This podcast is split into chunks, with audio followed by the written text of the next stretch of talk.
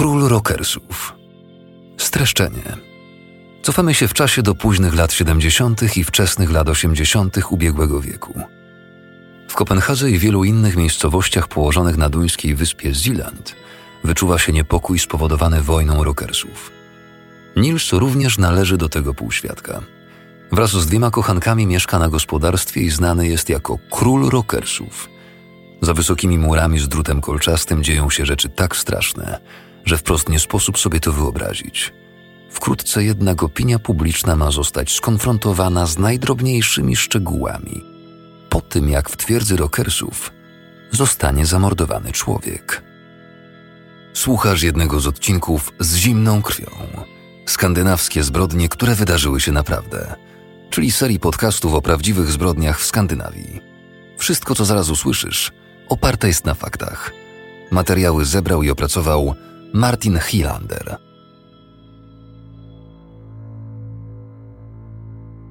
Zgodnie z duńskim kodeksem karnym morderstwo stanowi najcięższy rodzaj przestępstwa, przede wszystkim w kwestii wymiaru kary. W większości przypadków za morderstwo wymierzana jest kara 16 lat pozbawienia wolności lub dożywocie. Cofnijmy się jednak w czasie do końca lat 70. i początku lat 80. ubiegłego wieku. W Kopenhadze toczy się wojna rockersów. W nagłówkach gazet często pojawiają się też bandy o takich nazwach jak Nomads, Iron Skulls czy Black Sheep – w wojnie rockersów na polu bitwy stoją naprzeciwko siebie dwaj bohaterowie tej waśni. Zaciekli rywale Bullshit i Hells Angels. Choć nie uczestniczy w niej bezpośrednio, w samym centrum wojny rockersów tkwi Nils Frederik Jorgensen. Niedawno skończył czterdziestkę i jest jedną z najstarszych osób w tym nieco odmiennym świecie. Dawniej Nils należał do Dzikich Aniołów, innego klubu rockersów. Jeszcze wcześniej pracował na wędrownym jarmarku – a całe wieki temu był nawet sprzedawcą antyków. Ma pięcioro dzieci. Dwoje z nich to dorośli już synowie Michael i Wisti.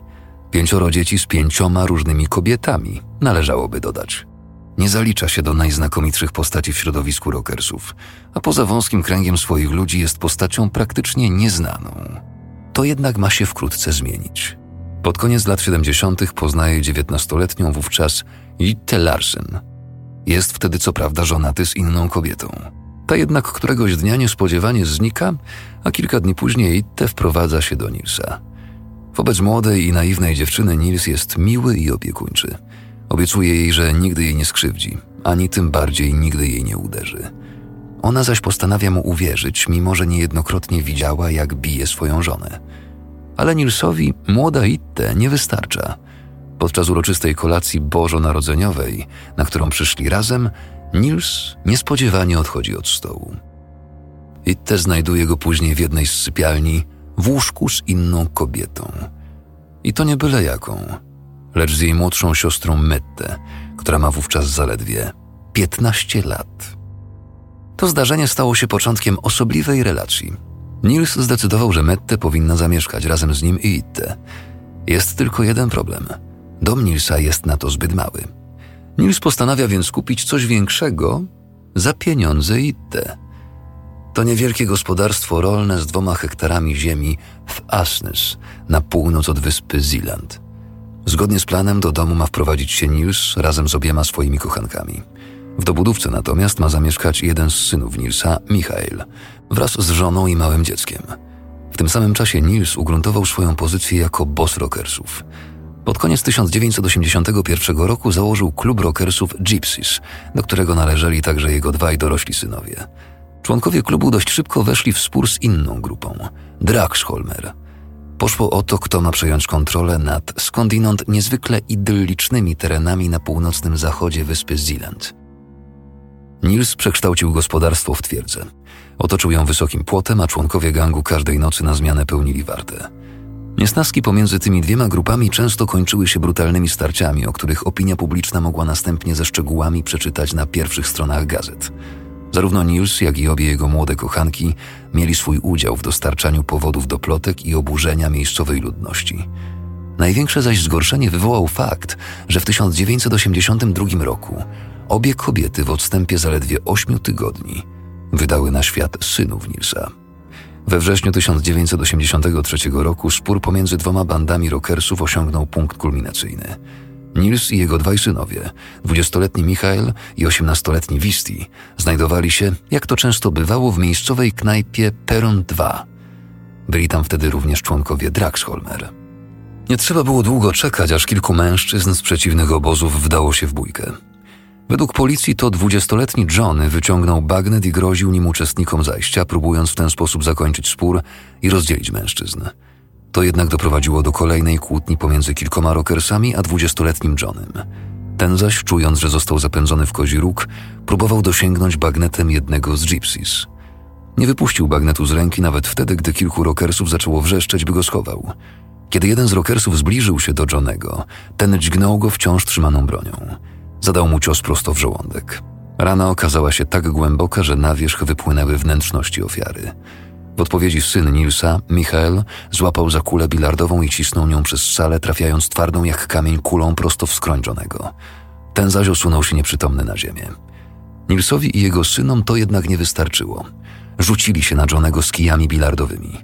Kiedy leżał już bez ruchu na podłodze, cały we krwi, przyjaciółka synów Nilsa wzięła jeszcze butelkę i rozbiła ją na głowie konającego Johnego. Obrażenia okazały się śmiertelne i chwilę później chłopak już nie żył. W wyniku tego zdarzenia aresztowano trzech mężczyzn. Nils jest znany w całym kraju. Zdołał wypracować sobie szemraną opinię. Bywa też nazywany królem rockersów z Asnes, który żyje z dwiema kochankami, siostrami i matkami dwójki spośród szeregu jego dzieci. Bulwarówka Extra Bladet w jednym z artykułów opisuje, jak wiosną 1985 roku jedna z kochanek odwiedziła Nilsa w więzieniu razem z dzieckiem. Druga została wtedy w domu ze swoją pociechą. Gdy Nils i jego synowie opowiadali przed sądem, jak zatłukli młodego Johnego na śmierć, jednocześnie ten pierwszy dostarczał światu tematów do plotek na temat jego osobliwej relacji miłosnej. Nie robił też żadnej tajemnicy z tego, co dzieje się w pobliżu odwiedzin. Wkrótce potem siostry zamieniły się rolami, żeby Nils mógł rozkoszować się obecnością obu kochanek. W 1984 roku jego dwaj synowie zostali skazani za uszkodzenie ciała ze skutkiem śmiertelnym. Michailowi wymierzono karę półtora roku więzienia. Nils został skazany jedynie za uszkodzenie ciała i wyszedł na wolność już po roku. Patrząc z zewnątrz, mogłoby się wydawać, że tworzył z siostrami harmonijny związek. W każdym razie cała trójka chętnie udziela szeregu wywiadów, w których szczęśliwy Nils opowiada, jak ważne jest dla niego, by nie faworyzować żadnej z kobiet. Nils wierzy, że udało mu się spełnić marzenie każdego mężczyzny. Jak zwierzył się ekstra bladet, życie z dwiema kobietami sprawia, że jego zapotrzebowanie na skoki w bok zostało zredukowane do minimum. Chwalił się także tym, że żadnej z kochanek nie traktuje źle. Z wyjątkiem trzech, może czterech razy do roku.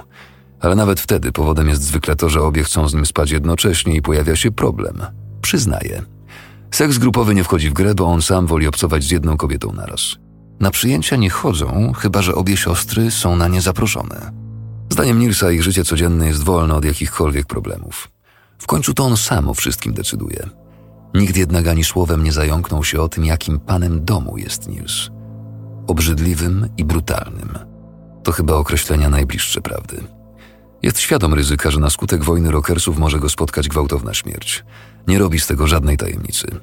Wtedy jednak nie przypuszczał nawet, że największe niebezpieczeństwo stanowią dla niego osoby mu najbliższe. Noc z wtorku na środę 15 stycznia okaże się dla Nilsa tragiczna w skutkach.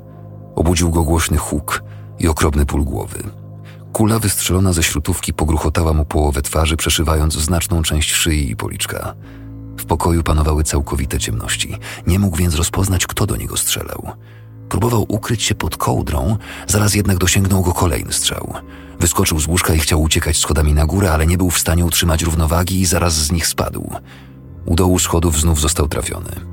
Ten ostatni strzał okazał się dla niego śmiertelny.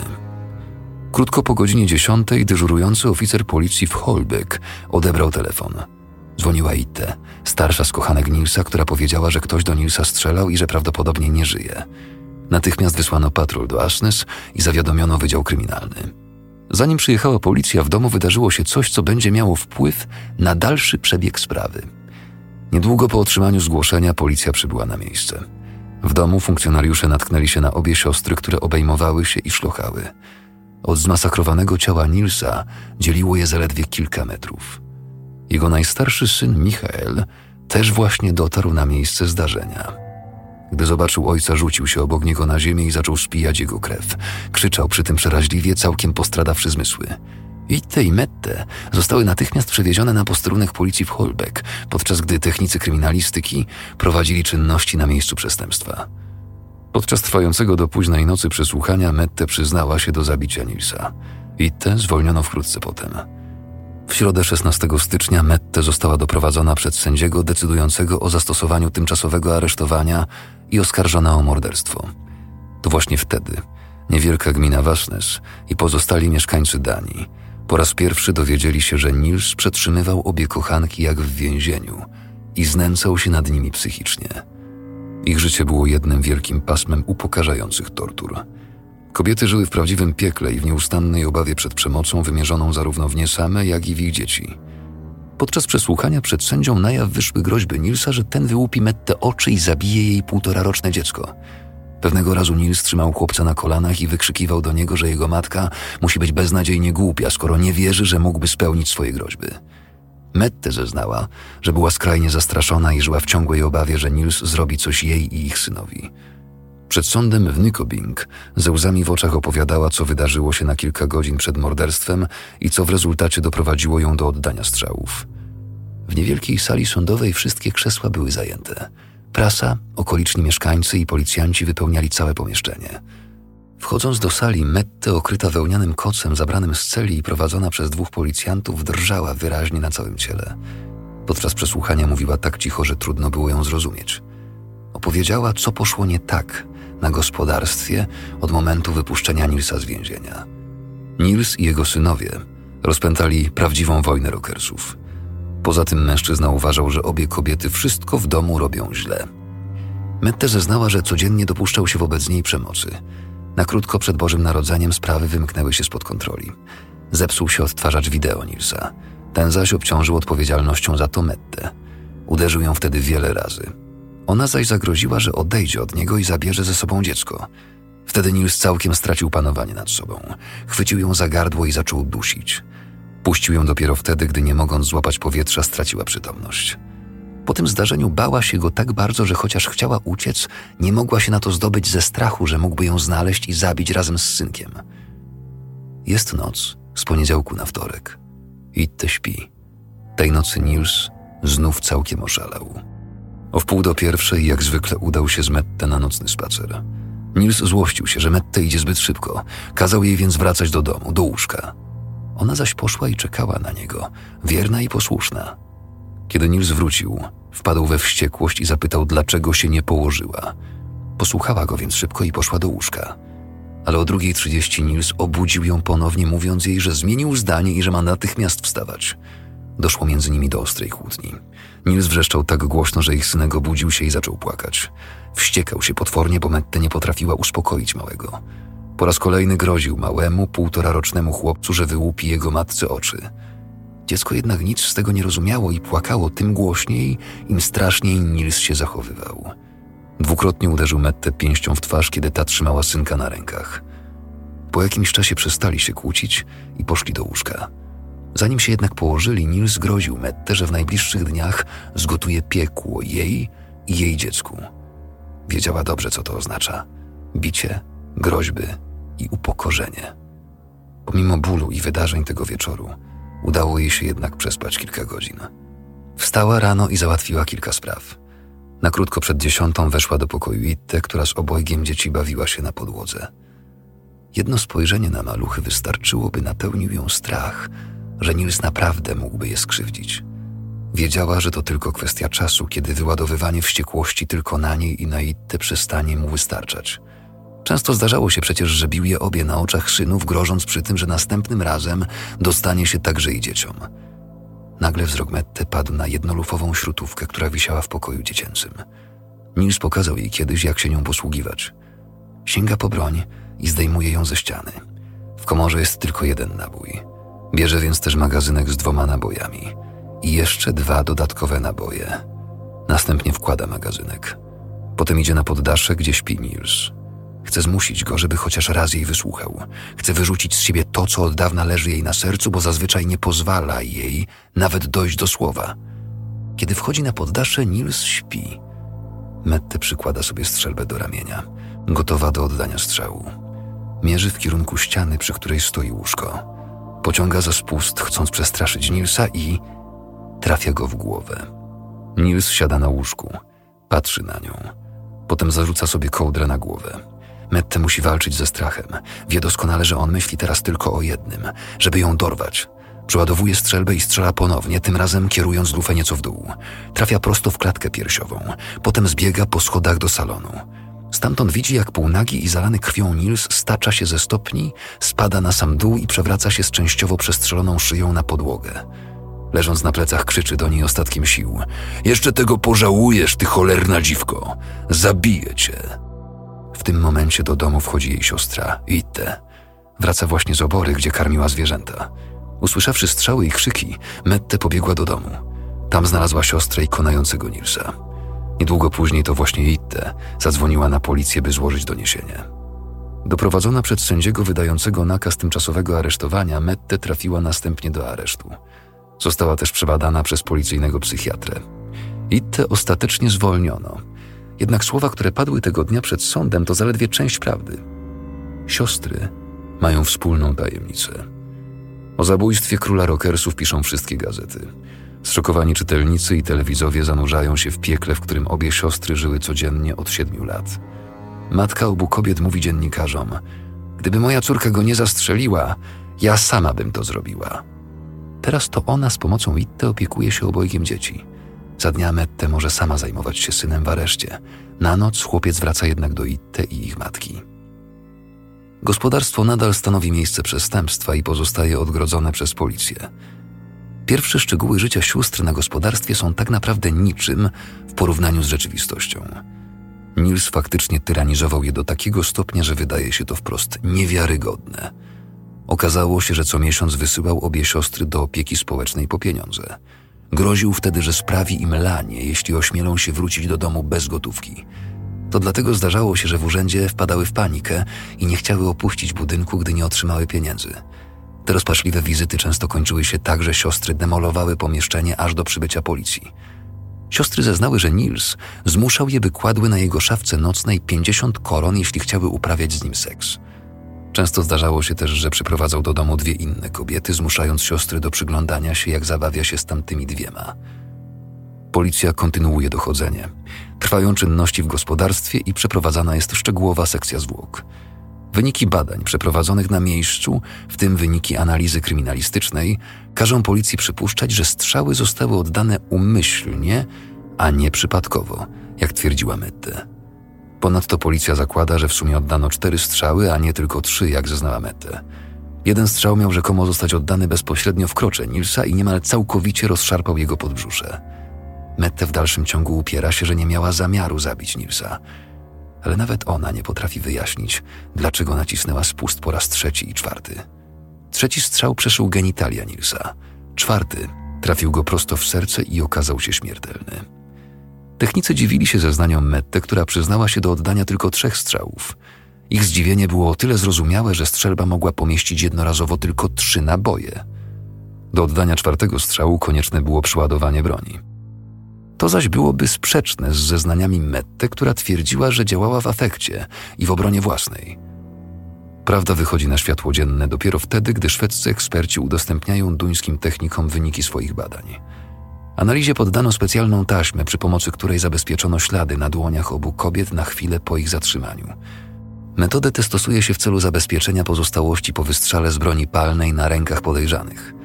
Ponieważ Mette przyznała się już do oddania strzałów, nie dziwiła obecność drobinek prochu na jej dłoniach. Analiza wykazała jednak, że znajdowały się one także na dłoniach Itte. Ta informacja zaskoczyła policję i szefa ekipy dochodzeniowej. Początkowo Itte tłumaczyła to tym, że wcześniej oddała strzał testowy przy użyciu innej broni. Policja dała jej jednak do zrozumienia, że nie wierzy w tę wersję, a sama Itte ostatecznie złamała się i opowiedziała, jak było naprawdę.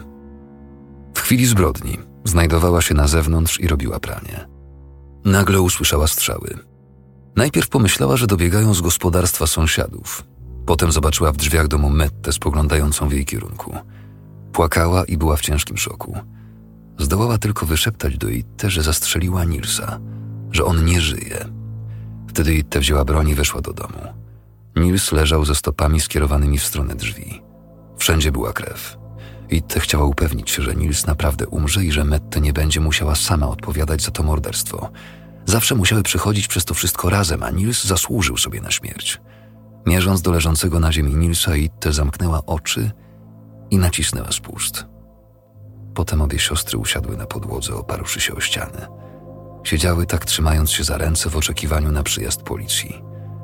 To właśnie wtedy umówiły się, że Mette weźmie całą winę na siebie, bo któraś z nich powinna przecież zająć się dziećmi i zwierzętami, kiedy druga będzie odbywała karę w więzieniu.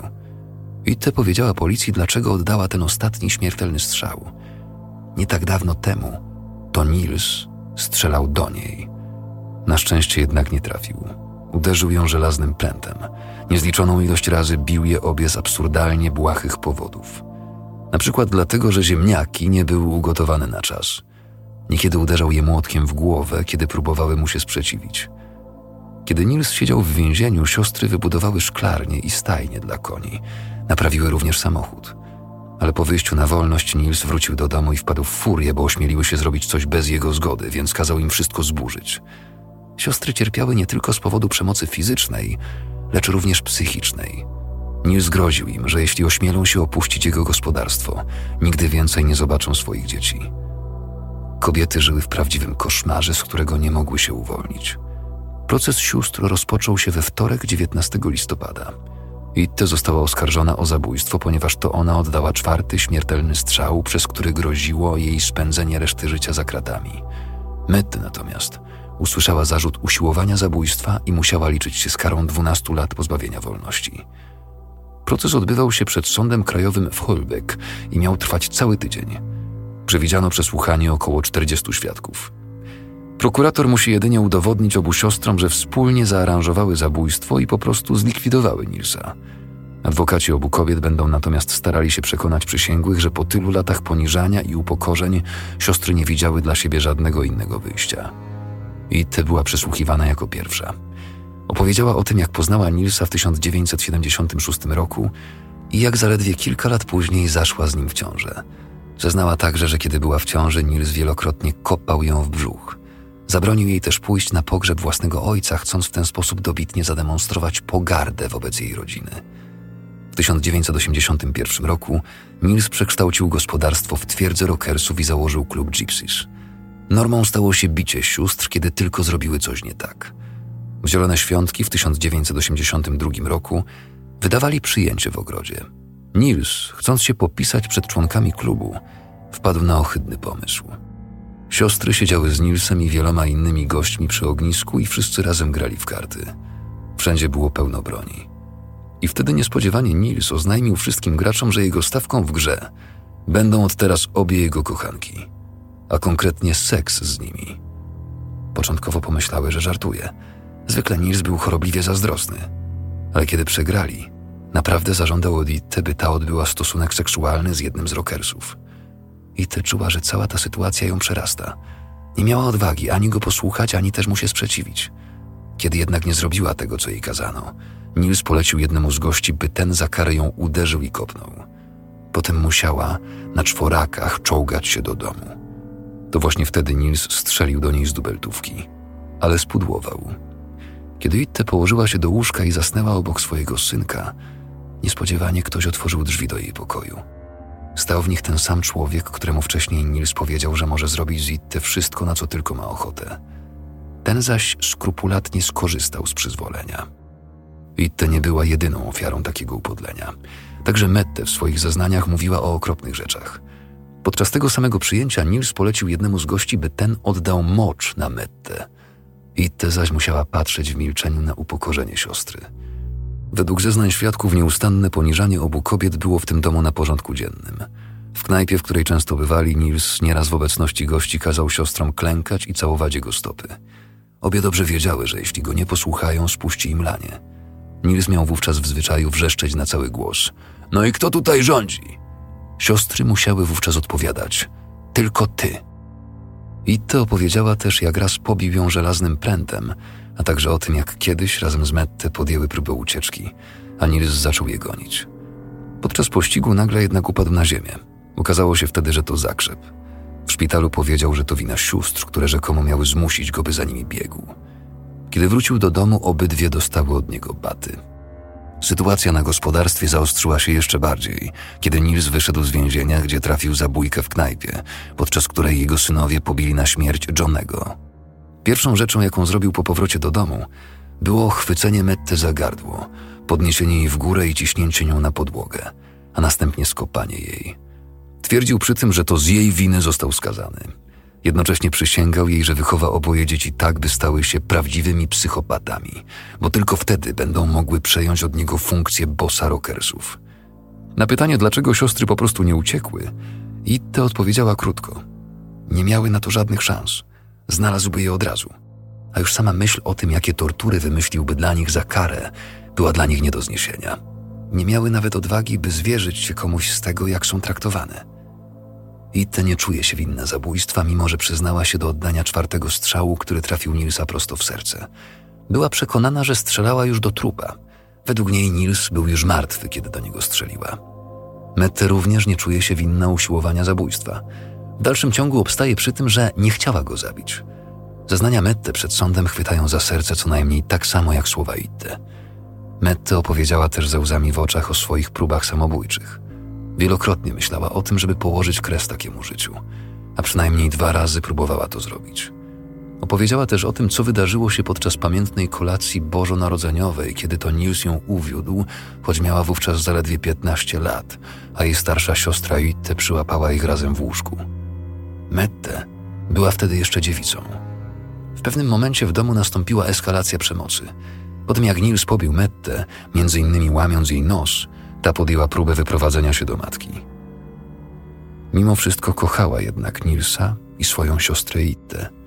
Chociaż udało jej się wyprowadzić, ostatecznie zdecydowała się wrócić na gospodarstwo. Kiedy obie siostry wydały na świat dzieci Nilsa, ten zmusił je, by udały się z nim do adwokata i powierzyły mu prawo do opieki nad nimi. Miał to uzasadniać względami bezpieczeństwa, na wypadek gdyby im jako matkom dzieci coś się przytrafiło – przed sądem siostry musiały raz jeszcze powtórzyć, co wydarzyło się na gospodarstwie w decydujących minutach tego tragicznego w skutkach poranka. Mette opowiedziała, jak przyglądała się zabawie maluchów, jednocześnie przypominając sobie, że Nils groził jej wyłupieniem oczu.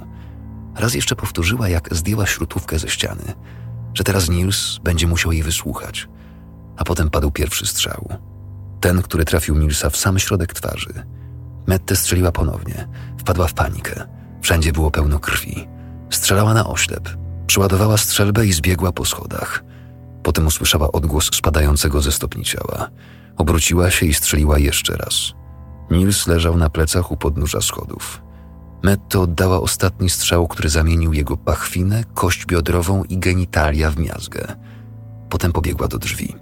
W tym samym momencie Itte wyszła jej naprzeciw. Mette powiedziała siostrze, że zastrzeliła Nilsa. Wtedy Itte nabiła strzelbę jeszcze raz. Podeszła do Nilsa i strzeliła, przykładając lufę do jego piersi. Prosto w serce. Wszystko wywróciło się w niej do góry nogami. To dlatego weszła do domu z ponownie naładowaną bronią, mówiła Itte. To było w pewnym sensie tak, jakby straciła przytomność. Wszystko się w niej zawaliło. Wszystko to, co te dwie młode kobiety musiały do tej pory znosić, potwierdziły też zeznania pozostałych świadków. Jedna z uczestniczek gry w karty podczas przyjęcia w ogrodzie również została upokorzona przez Nilsa, który wykorzystał ją jako zastaw, podobnie jak Itte. Ona też została powołana na świadka. Była tak poruszona całą sytuacją, że siedząc na miejscu przeznaczonym dla świadka, zemdlała, zanim jeszcze zaczęła mówić. Gdy odzyskała przytomność, potwierdziła, że Itte wzbraniała się przed podejściem do mężczyzny, z którym Nils kazał jej odbyć stosunek. Nils wpadł wtedy w szał i zaczął zachowywać się bardzo agresywnie – Innemu gościowi kazał uderzyć i skopać Itte. Zeznawała dalej kobieta, płacząc. Inny świadek twierdził z kolei, że próbował powstrzymać wymierzenie kary Itte. Wycofał się jednak, kiedy Nils niespodziewanie wycelował w niego śrutówkę.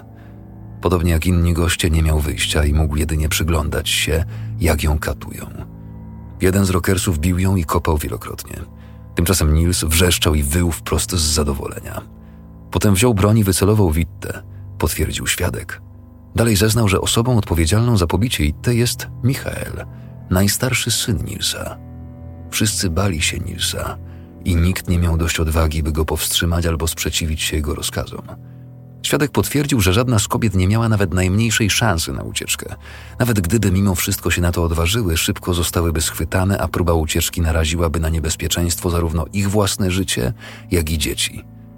Niezależnie od tego, ile obie kobiety musiały wycierpieć, z punktu widzenia prokuratora nie było żadnych wątpliwości co do tego, że Nils padł ofiarą egzekucji. Zgodnie z jego sposobem pojmowania prawa, nie ma takich okoliczności, które upoważniałyby do zwolnienia z kary człowieka, który dopuścił się zabójstwa. Nieważne jak źle młode kobiety byłyby traktowane, zabójstwa nic nie usprawiedliwia.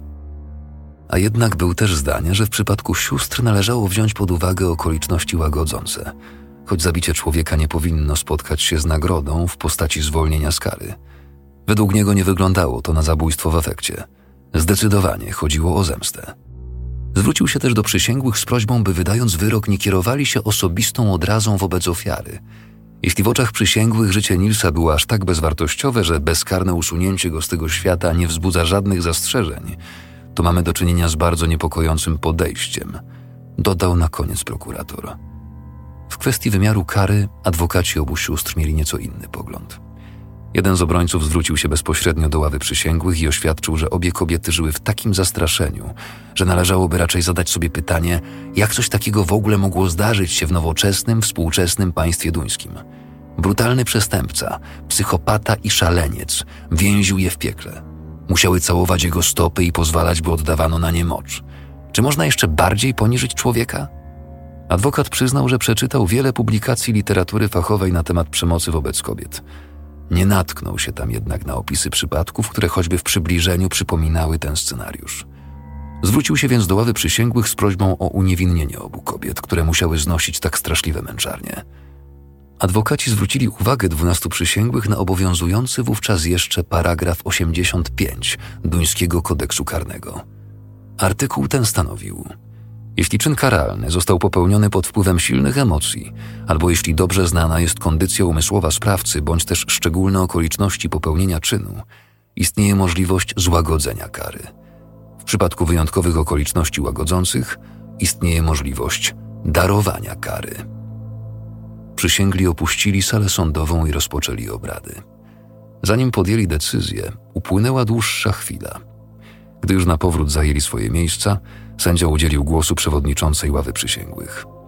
Przewodnicząca drżącym głosem przystąpiła do odczytywania wyroku. W odniesieniu do wszystkich czterech punktów aktu oskarżenia, obie siostry zostały uznane za winne. Trzykrotnie winne usiłowania zabójstwa i raz winne zabójstwa. Przed odczytaniem punktu dotyczącego wymiaru kary przewodnicząca podniosła wzrok z nadtrzymanej w ręku kartki i powiedziała drżącym głosem – od wymierzenia kary oskarżonym odstępuje się. Na sali sądowej zapanowała cisza. Musiało upłynąć kilka sekund, by każda z obecnych tam osób pojęła, co się właśnie wydarzyło. Potem emocje wzięły górę. Mette i te, płacząc, padły sobie w ramiona. Ich matka z przejmującym szlochem tak, że rzuciła się w ramiona swoich córek. Nawet adwokaci uścisnęli obie siostry. Sala sądowa zamieniła się w chaotyczne kłębowisko ludzi, którzy z niekłamaną ulgą rzucali się sobie nawzajem w ramiona. Jak gdyby każdy z obecnych odczuwał radość, która w tym momencie stała się udziałem obu sióstr. Nawet opuszczający salę przysięgli mieli wilgotne oczy, kiedy mijali obie siostry. Wszystkie osoby w jakikolwiek sposób związane z tą sprawą były zgodne, że dzięki temu wyrokowi sprawiedliwości stało się zadość. Dzień 22 listopada 1985 roku przeszedł w Danii do historii prawa.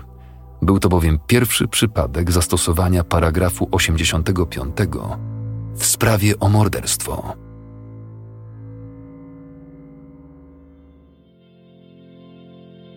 Wersja polska, tłumaczenie i realizacja nagrań Roboto Sound. Czytał Filip Kosior.